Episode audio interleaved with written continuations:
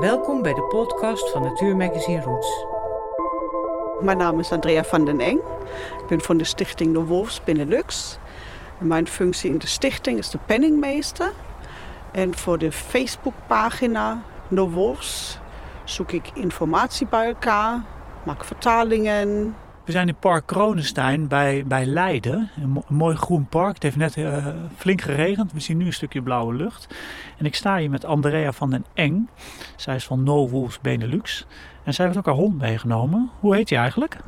Dit is Boef. En Boef is een gepensioneerde jachthond.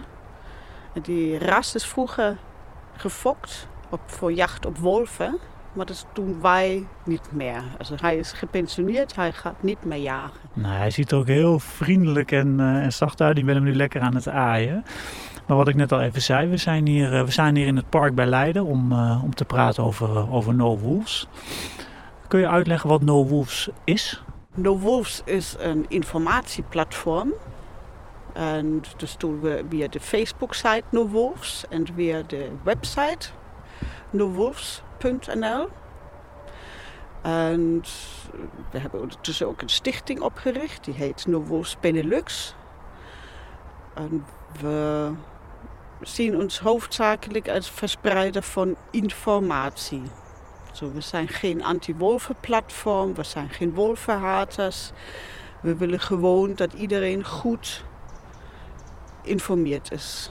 Dat is ons doel. Ja, want de naam uh, No Wolves, dan kun je misschien bij denken dat zijn mensen die absoluut tegen wolven zijn. Maar uh, ik heb jou net al even gesproken uh, toen we in het park in, het, in de horeca zaten. Toen legde je al even uit dat het anders zit. Maar jullie zijn echt niet tegen de wolf in Nederland. Nou, zeg het wel compliceerd. Wij zijn niet tegen de wolf als dier. We vinden het allemaal een mooi dier.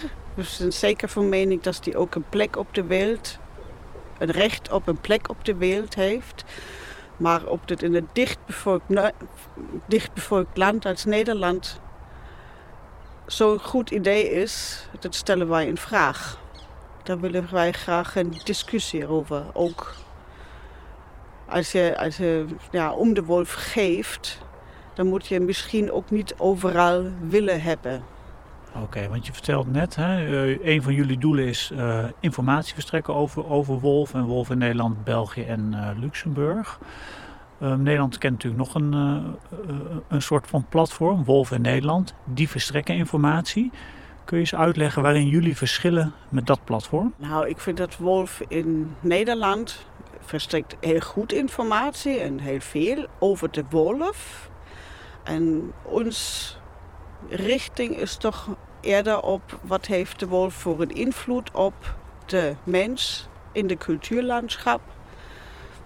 Ja, wat gebeurt als er nou een wolf naar een dichtbevolkte cultuurlandschap komt. En welke conflicten kunnen ontstaan en welke problemen duiken op en wat doe je daarmee. Dat is eerder ons thema. Maar uh, wolven in Nederland, die, die, die leggen natuurlijk vooral uit hè? Uh, um, hoe, hoe wolven leven, waar ze vandaan komen, noem maar, maar op.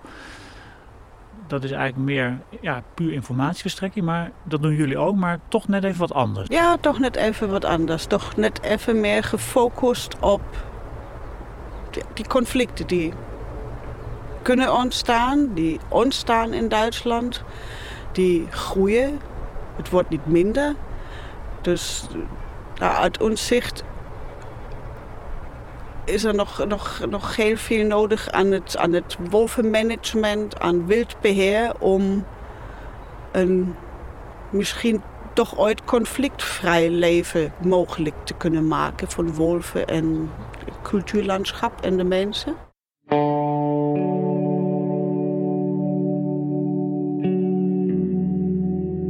Ik een beetje goed beluister, jullie maken je zorgen over die conflicten die kunnen ontstaan. Kun je daar eens wat meer over vertellen? Wat, aan wat voor conflicten moet ik denken?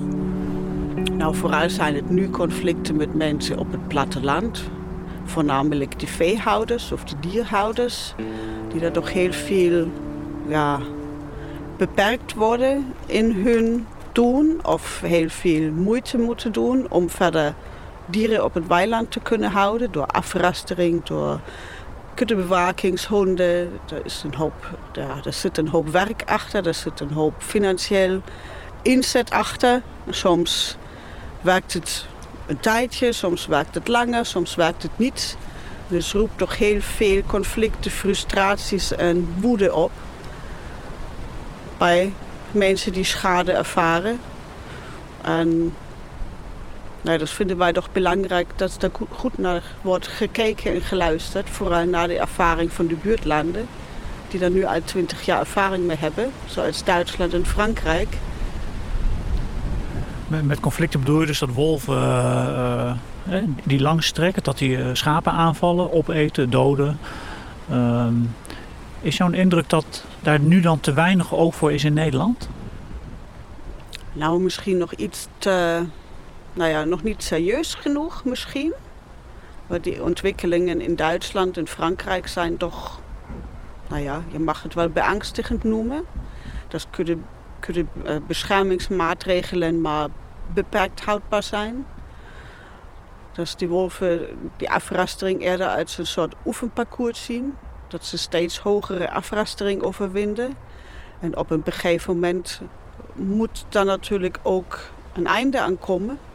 Je kan niet alle schapen achter 1,50, 1,60, 1,80 zetten. Dus het is gewoon financieel, ecologisch, die werk is gewoon niet te doen. En dat zal ook niemand meer doen. En uiteindelijk zullen die schapen verdwijnen in de stallen. Of je houdt gewoon geen schapen meer. En die ontwikkeling in Duitsland is ook die kant op. Er worden steeds minder mensen die schapen houden. Vooral die kleine hobbyhouders die stoppen daarmee. En die hebben toch, een, toch ook een belangrijke functie in natuurbehoud en soortbehoud door de begrazing. Ja, want je, want je schetst nu de situatie in Duitsland. Hè? Um, nou, jij komt zelf uit Duitsland. Nog even, waar kom je vandaan? Uit Nürnberg kom ik oorspronkelijk vandaan. En, en die situatie in Duitsland die is dus echt al... Uh, daar hebben ze meer jaren ervaren met wolven. Jij zegt van... Ja, daar, daar is de situatie anders nu dan in Nederland. Uh, ja, erger, vervelend. Ik weet niet hoe ik dat goed moet noemen.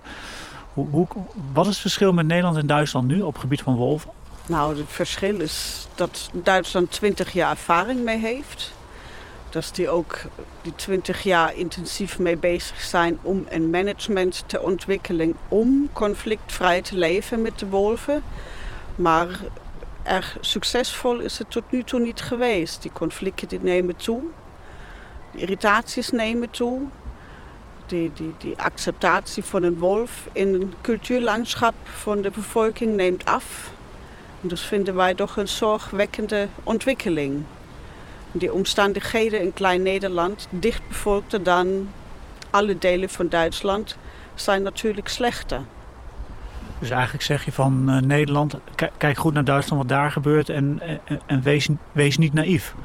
Ja, ik vind van wel. Ik meen, je kan prima van de fouten van je buurman leren. Maar daar moet je wel serieus naar kijken waar het misgaat en serieus nemen dat het misgaat. Want welke, welke fouten worden, zijn er in Duitsland gemaakt die wij hier moeten uh, voorkomen, wat jullie betreft? Nou, welke fouten het precies zijn, ja, als we dit zullen weten, dan zullen we Duitsland ook een mooie oplossing kunnen brengen. Maar welke fouten zijn gemaakt? Nou, in het management klopt iets niet. Want het werkt niet. Het ontstaan meer en meer conflicten. Dus misschien moet je toch meer maatregelen in aanbetracht nemen en niet afwachten tot een situatie misloopt. Waar zijn jullie dan precies bang voor als je zegt uh, we moeten oppassen dat het niet misloopt? Waar vrees je voor? Waar vrees ik voor? Goeie vraag. Nou ja, ik vrees voor alle dieren dat het misgaat. Ik die dieren zijn bij het experiment te dupe. En ik vrees ook dat de wolf uiteindelijk te dupe wordt als het misgaat. Als die acceptatie daar niet is, dan worden ze gestroopt en dan worden ze uiteindelijk misschien weer bejaagd. Misschien weer helemaal uitgerot. Of... En dat vind ik ook niet kunnen eigenlijk. Ik vind, je maakt een experiment op kosten van dieren. Of dit nou per se nodig is, voor een kleine meng, ja, kleine aantal aan wolven die Nederland plek kan bieden of niet, weet ik niet. Je noemt het een experiment. Um, zover ik het kan beoordelen, hebben de wolven zelf bedacht om hier naartoe te komen. Ik weet niet of bedacht het goede woord is. Uh, in ieder geval, ze zijn vanuit Duitsland deze kant op gekomen. Dat is al een aantal jaren uh, gaande. Steeds iets dichter kwamen ze bij de grens. Op een gegeven moment gingen ze de grens over. Je zou kunnen denken, die wolven willen dit gewoon. Waar, waar maken we ons druk over? Het, uh, we zorgen gewoon dat die schapen een beetje beschermd worden. En laat die wolf lekker uh, zijn gang gaan. Nou, op de wolf per se wil. Daar zijn de meningen ook verdeeld over. Of het nou helemaal vanuit de wolf zelf gaat. Dat die uit een weinig bevolkt Brandenburg met heel veel bos en woud en heel veel ruimte naar een dicht bevolkt Nederland loopt. Weet ik niet. Ik denk dat de dieren toch door die cultuurlandschap heel veel worden beïnvloed in hun doen. Ook in hun gedrag. En dat weet je ook niet. Daarom noem ik het experiment. Je weet het niet hoe zich een wolf gedragt in zo'n dichtbevolkt cultuurlandschap. Omdat het gewoon nooit eerder is gebeurd. Ze zijn hier nooit eerder geweest. Die natuur is in de laatste 150, 150, 120 jaar zo extreem veranderd. Dat het ook voor de wolf een heel nieuw gebied is. En die zal zich daar wel op inrichten. Die zal wel zijn plekje vinden ergens. Maar die natuur is dynamisch, die past zich aan. Maar of het goede of een slechte kant op gaat, dat weten wij niet. Dus ik noem het wel toch een beetje een experiment. Ja, nee, dat, dat, mag natuurlijk. Um, je, je, haalt net dat cultuurlandschap aan, hè, waar ze zich in begeven. Um, maar ze zitten nu toch voornamelijk volgens mij op de Veluwe, wat toch vooral heel erg veel bos is. En op de Utrechtse Heuvelrug, waar ook gewoon veel bos is. Dat klinkt als natuurgebied en niet zozeer als cultuurlandschap. Waar zitten die zorgen dan precies? Nou, je spreekt van natuurgebieden, maar het is wel ieder steen door een mens al een keer omgedraaid. Zeg, heel West-Europa is echt natuur, ongerept natuur, eigenlijk bijna niet meer te vinden. Er is wel overal een weggetje door en is het maar een klein fietspadje. Maar ook het kleine fietspadje heeft wel invloed op de natuur. En zo ook op de wolf en op die dieren die in de natuur leven. En het is nou ja, wat je natuur definieert. Je ziet een wolf toch eerder of liever in ongerept natuur, in uitgestrekte bossen, in een woud, wat hier in Nederland niet bestaat. We hebben hier alleen bossen. Dan in een parkje als we hier nu zijn. Dus eigenlijk zeg jij van de, de, het landschap in Nederland, het is eigenlijk één groot cultuurlandschap. Wolven voelen zich daar niet helemaal prettig in, ook al lopen er nu dan een paar rond. Nou, de wolf zal zich wel aanpassen. Misschien vindt het ook juist prettig dat ook om ieder hoekje een mek schaap staat. Maar sommige biologen spreken van de wolf als het is ook maar een luie hond. dus voor een voedsel opportunist is er wel aan ieder hoekje wat te vinden. Dat zal wel prettig zijn. Dat zal de wolf ook rust geven. Zeg, hij moet zich geen zorgen maken om zijn volgende ja, hapje. Zegt, die lopen hier overal rond. Maar of, het, of wij dit willen hebben, is die ene vraag. En of de wolf dan nog echt een wolf blijft, is die andere vraag. Maar natuurlijk, eh, het grote gevaar voor de wolf aan zich is die gewenning aan de mens. En in een druk bevolkt landje als hier, waar ook ieder centimeter dan hoe dan ook wordt gebruikt, voor wat dan ook, voor wegen, voor wonen, voor industrie, voor uh, ja, je, je oogst hout. Je gebruikt ieder kantje van de natuur voor de recreatie. Daar heeft de wolf natuurlijk vrij weinig kans om de mens niet tegen het lijf te lopen. En of dit nou een goede en gewilde ontwikkeling is, ben ik mij ook niet zeker. Maak je ook zorgen over dat, dat mens en wolf in conflict gaan komen? En nu, nu zitten ze nog een beetje op de veluwe. Kun je zeggen, nou ja, er komt af en toe een wandelaar voorbij. Dat gaat wel goed. Maar maak je voor de toekomst daar meer zorgen over als er meer wolven komen, dat er echt conflicten gaan komen? En zo ja, wat verwacht je dan? Nou, het is wel mogelijk. Met het aantal van wolven stijgt natuurlijk ook die kans op conflicten. Zeggen, hoe, ja, het is een potentiële gevaar is het. Het is een groot sterk roofdier en hij zal een mens kunnen verwonden en ook kunnen doden. Dat is zo. En onder normale omstandigheden doen ze het niet. Maar het zijn dan weer die omstandigheden die we normaal noemen, zijn dan weer een ongerept natuur. Met, met genoeg ruimte voor iedereen, voor de wolf en voor de mens. Als je dan, uh, het begint nu in één keer heel hard te waaien, dus dat hoor je misschien wel even in de microfoon. Dus ik ga gewoon even rustig, uh, rustig doorpraten. Er komt denk ik een bui aan, Andrea. Um, als je dat, dat beeld schetst hè, van een te druk Nederland.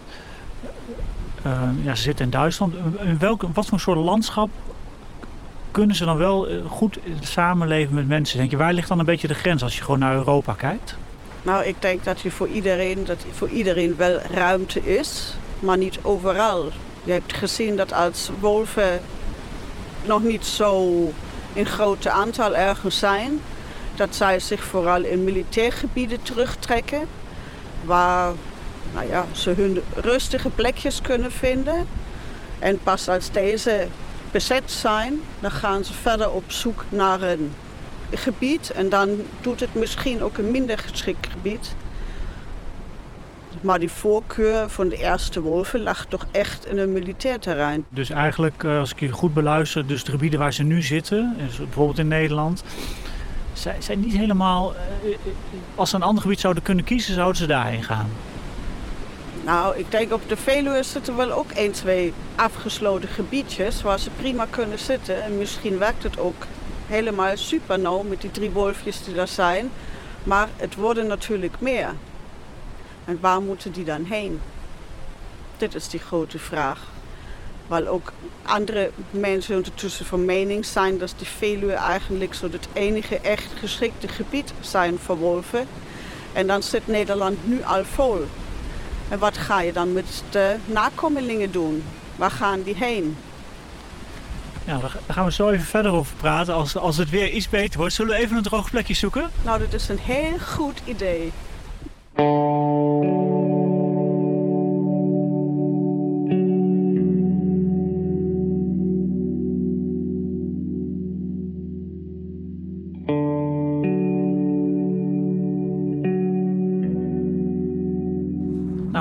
De bui is weer voorbij, maar we staan toch even onder het afdek voor de voordeur van uh, de tuin van de Smit. Horecagelegenheid in Park uh, Kronenstein bij Leiden.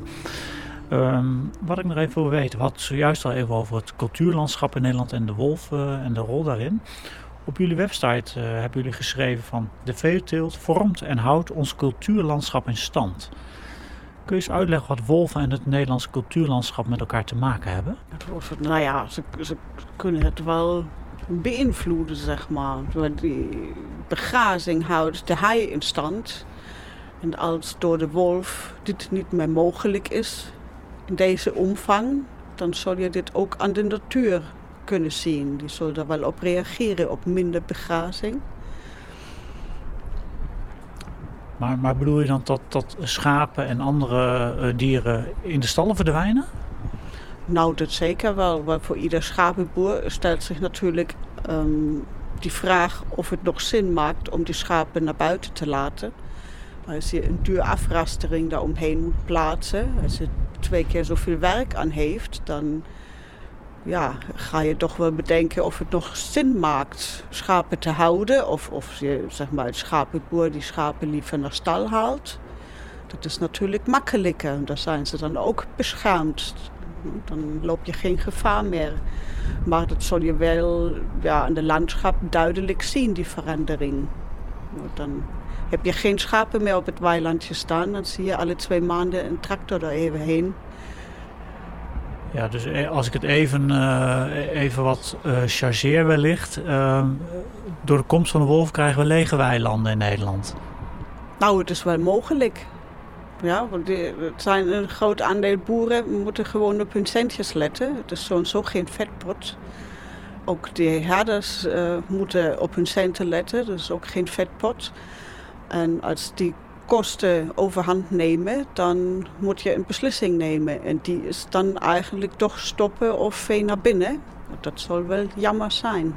Wat heeft jou eigenlijk bewogen om in Nederland, uh, je bent in Nederland gaan wonen, je bent ook, uh, je bent ook met, met schapen en dat soort dingen ben, je bezig. Wat, waarom heb je besloten om, om voor No Wolves uh, dingen te gaan doen? Nou, ik ben daar eigenlijk zo'n beetje ingeglibberd door, ja, door dat ik uit Duitsland kom. Dat ik daar ook al een hoop heb meegekregen. Dat ik daar die ontwikkeling ja, best goed heb gevolgd. En natuurlijk ja, alles mooi ja, uit kan leggen of vertalen. Hoop ik tenminste. Dat is mijn hoop. en zo die expertise die Duitsland al heeft op mogen doen. Hier ja, ja, over kan brengen. Ja, want dat is iets waar je dus toch een beetje zorgen om maakt. Nou ja, als je die conflicten in de buurtlanden ziet en ik zie ja, per dag een hele hoop, ja, toch steeds akelige berichten, dan maak je je wel zorgen over de ontwikkeling. Waar ik ook nog een nieuwsgierig ben, heb je wel een wolf in levende lijven gezien in, in Nederland of in Duitsland of ergens anders? Ja, dat is een, een, een ja, een, een, een, grappig verhaal. was eigenlijk het eerste symposia waar ik naartoe heen ben gereisd naar Duitsland. Over wolven in cultuurlandschap heb ik s'avonds toch echt een wolf gezien. En gelukkig zijn er nog andere getuigen geweest, want anders gelooft het nooit iemand. Dat ik daar gewoon maar voor drie dagen in Duitsland ben, in een wolvengebied en gelijk eentje tegen het lijf loop. Maar het is toch daadwerkelijk gebeurd. En wat veel mensen omschrijven als een wolf zien, toch een, een zekere staat van euforie. Herken je dat of hoe, hoe beleefde jij die, dat moment? Nou, ik was eigenlijk echt aan het lachen. Omdat ik als ja, lid van de Wolfs op weg was naar een hotel waar een drie dagen wolvensymposia was. En ik rijd daar zo'n beetje door een donkere bos en dan loopt die echt daadwerkelijk van mijn auto langs. Dat vond ik toch op dit moment echt, um, ja, ik dacht echt, uh, ik, dus heeft iemand gearrangeerd of het kan niet waar zijn. Dus ik was eigenlijk nou ja, verrast, zeg maar. Dus je hebt er eigenlijk niet eens van genoten? Nee, ik heb daar nog niet eens van genoten. Ik was echt zo overrompeld. Ik dacht, maar dat kan toch nou echt niet mij gebeuren. maar het is zo, is zo gebeurd. Nou André, we hebben ons weer even een stukje verplaatst, want er komt net een vrachtwagen aanrijden. De horeca die moet ook eh, eten en drinken, de mensen die daar komen. Dus we staan nu wat dichter eh, in de buurt van, een, uh, van schapen en andere, andere dieren. Waar ik nog even benieuwd naar ben. Uh, je gaf in het begin van het gesprek al aan. Jullie zijn absoluut niet tegen de wolven. Jullie zijn geen wolvenhaters. Um, in Nederland zijn er allerlei maatregelen worden getroffen. Je denkt aan kuddebewakingshonden of uh, rassers met stroom. Als dat soort maatregelen goed worden uitgevoerd, vinden jullie dan eigenlijk. Wat is jullie standpunt dan? Is het dan prima dat de wolf ook in Nederland zijn plek zoekt of vindt? Nou, als die maatregelen werken en te doen zijn. En de wolf achter de afrastering blijft, zeg maar zo. Dan zal het zeker geen probleem zijn. Maar zelfs, ik denk dat het ook geen probleem is als de wolf af en toe maar één schaapje pakt. Daar zullen we ook nog allemaal mee kunnen leven. Maar het zijn wel toch uh, ja, grotere conflicten die ontstaan in een cultuurlandschap.